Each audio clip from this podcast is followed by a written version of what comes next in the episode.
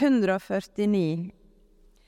Halleluja, syng en ny sang for Herren. Lovsyng Han der de trugne er samla. Israel skal glede seg over sin skaper. Sions sønner jubler for sin konge. De skal prise hans navn med dans og spille for ham med pauke og lyre. For Herren har hugnad i sitt folk, han kroner de hjelpeløse med siger. De trugne skal juble med ære og rope av fagnad på sitt leie. De har lovsang til Gud i sin munn og tveegga sverd i handa. De vil ta hevn over folka refse folkeslag, binde kongene deres med lenker og stormennene med jernband. De skal holde dom over dem, så som det står skrevet, til ære for Hans trugne. Halleluja.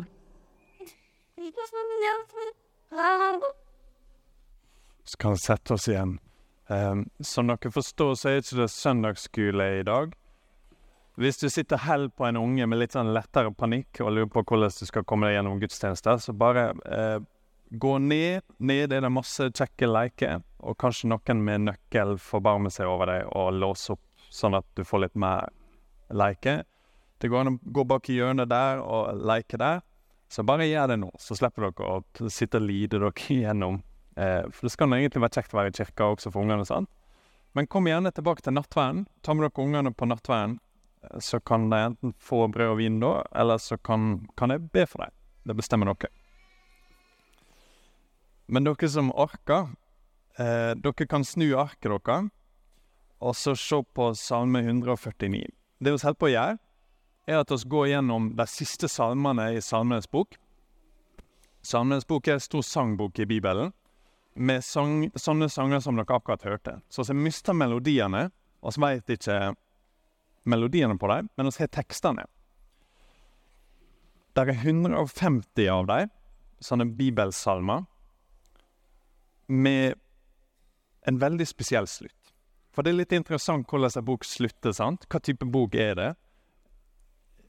Disse salmene er helt tydelig organisert. For eksempel denne salmen plukker opp et av de siste ordene i salmen før. Så det er noe som er tenkt her, og noe som er planlagt. Og Derfor er det ganske håpefullt at den slutter på eh, en håpefull tone. De siste fem salmene er bare gode ting. De siste fem salmene kalles halleluja-salmene. For det, selv om salmene utover i boka går litt opp og ned, noen er ganske dystre, og noen er veldig håpefulle, så slutter det på topp. Så det gir oss et håp både for den store historia som Gud holder på å ordne, men også for våre liv at dit det går, er at det slutter på topp. Det betyr ikke nødvendigvis at din siste dag på jord blir kjempebra, og at den dagen så fikk du endelig til Rubiks kube, og du fikk endelig til sant? Men det betyr at det håpet som Gud gir oss for det neste livet, er bare godt. Og Derfor er det også interessant å se hva, hva håp får oss for dette livet. Altså Disse salmene har vi på en måte satt av litt tid til nå i, i sommer. Og i dag så kommer vi til den nest siste, som begynner halleluja, syng en ny sang for Herren. Lovsynger han der de trugne er samla. Her er det en ny sang som de som er trufaste, eh, synger, de som hører til Gud. Dette ordet 'trugne', iallfall for meg, er det veldig vanskelig nynorsk. Det betyr ikke de som er trua, men de som er trufaste og sånt. Så du kan si den gjengen som hører til Gud. Gud sitt folk de som er glad i Gud, og som regner seg som en av hans sine, de samler seg om noe som er bra, og så lovpriser de Gud. I Det gamle testamentet så har de sånne navn som de får i vers 2. sant? Israel skal glede seg over sin skaper. Sions sønner jubler for sin konge. Så i Det gamle testamentet så er det identifisert med et folk, Israel. Og Sions sønner er på en måte de som hører til Jerusalem. sant? Mens i Det nye testamentet så kommer Jesus og gjør noe veldig spesielt når han inkluderer alle som lovpriser han. Så i Det nye testamentet så er ikke det identifisert med ei etnisk gruppe og ett geografisk folk. Da er det hele kirka, som vi pleier å kalle det, kirka med stor K. Kirka i alle verdens land. Alle som i hjertet sine lovpriser Gud, uansett hvem de er, eller hva status de er, eller hvor de er, kan samles og lovprise Gud for det han er god. Så får vi vite hva det er de lovpriser han med. Vers 3, hvordan? At de danser og de spiller på pauke og lyre. Jeg har ikke peiling hva ei pauke er, så det skal jeg prøve å lære meg til neste gang. Men i vers 4 så står det hvorfor. For Herren har hugnad med sitt folk. Han kroner de hjelpeløse med siget. Så hele tida, både i Det gamle og Det nye testamentet, så er det en sånn stor, enhetlig lovsang. Også i Det gamle testamentet så priser de Gud for evangeliet.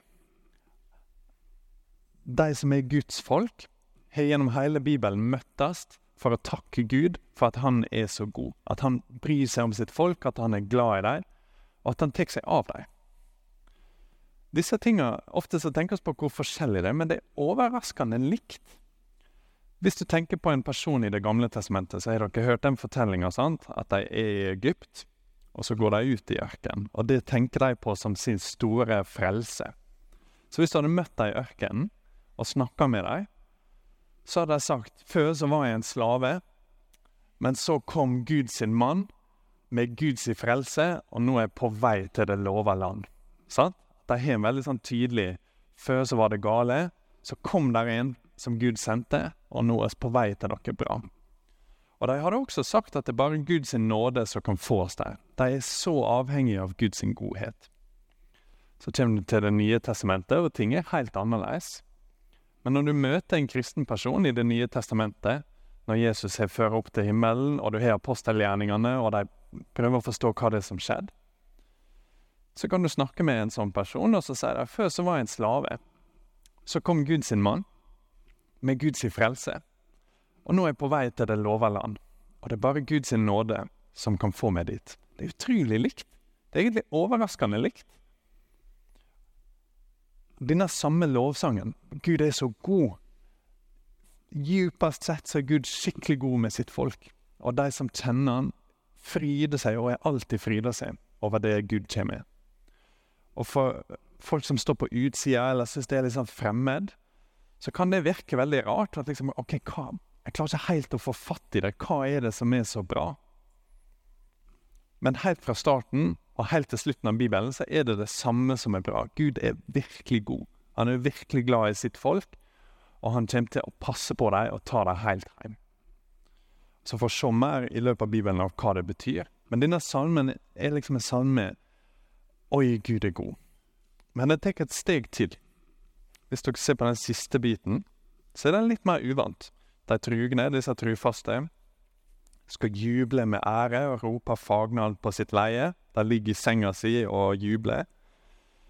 De har lovsang til Gud i sin munn og tveegga sverd i handa. Det er et sverd som er skarpt på begge sider, sant? så ikke en sånn eh, Hva jeg skal beskrive det Ikke en sånn som bare er skarpt på ene sida. Men på denne tida var det moderne med tveegga sverd. De vil ta hevn over folka og refse folkeslaga. Ganske uvant, sant? Sånne militærmetaforer er ganske fremmed for oss. Så det går an å lure litt på hva, hva betyr det egentlig. Er det snakk om at denne gjengen skal ut med sverd og begynne å tvinge folk til å tro på dette og sånn? Det er ikke sånn. Det som det er snakk om her, er OK, du har en gruppe som er kjempeglad. Som er veldig gira, og som lovpriser Gud. De spiller, og de danser, og de jubler fordi Gud er god, og han har gjort store ting for dem. Og da er et naturlig spørsmål som kommer opp hva kommer til å skje når de møter motstand? Hvis du har denne gruppa, hvis den har vært der lenge, hva, hva, skjer når det skjer noe gale rundt deg? Eller f.eks. når mektige folk kommer med en annen plan og sier å nei, det skal ikke være sånn, det skal være sånn. Hva skjer da? Er det sånn at det bare slutter da, og at det egentlig viser seg at alt jeg var glad for, var bare tull, for det var bare midlertidig? Da kommer på en måte denne salmen og forklarer litt hvor robust det er. Så disse siste fem salmene kan av og til virke litt naive. sant? 'Å, alt skal bli så bra til slutt.' Og så, hvis du er litt mer negativ, da, og kanskje litt mer pessimistisk, så ser du på det og tenker ja, du skulle bare visst hvor masse gale som kan skje. Du skulle bare visst hva jeg har sett. Du skulle bare visst hva, hva ondhet som fins i verden. Og hadde du tenkt litt på alvoret i dette, så hadde du ikke vært så begeistra. Det hadde vært litt mer moderat.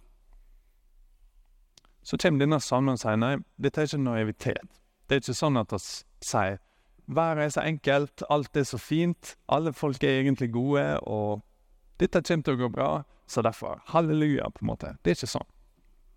Denne salmen sier Gud er skikkelig god med oss. Gud bryr seg virkelig om oss.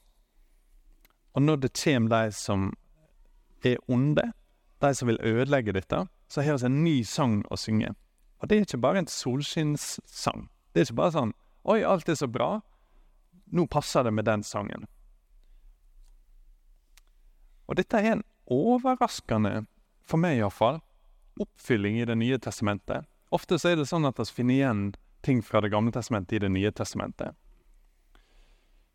Så jeg har bare lyst til å, å fortelle dere en liten fortelling om noe som skjer i apostelgjerningene. Jesus er stått opp igjen fra de døde og fører til himmelen. Og de prøver å finne ut hva de skal gjøre. Hvordan virker dette? Så Får de Den hellige ande? Og så er de i gang.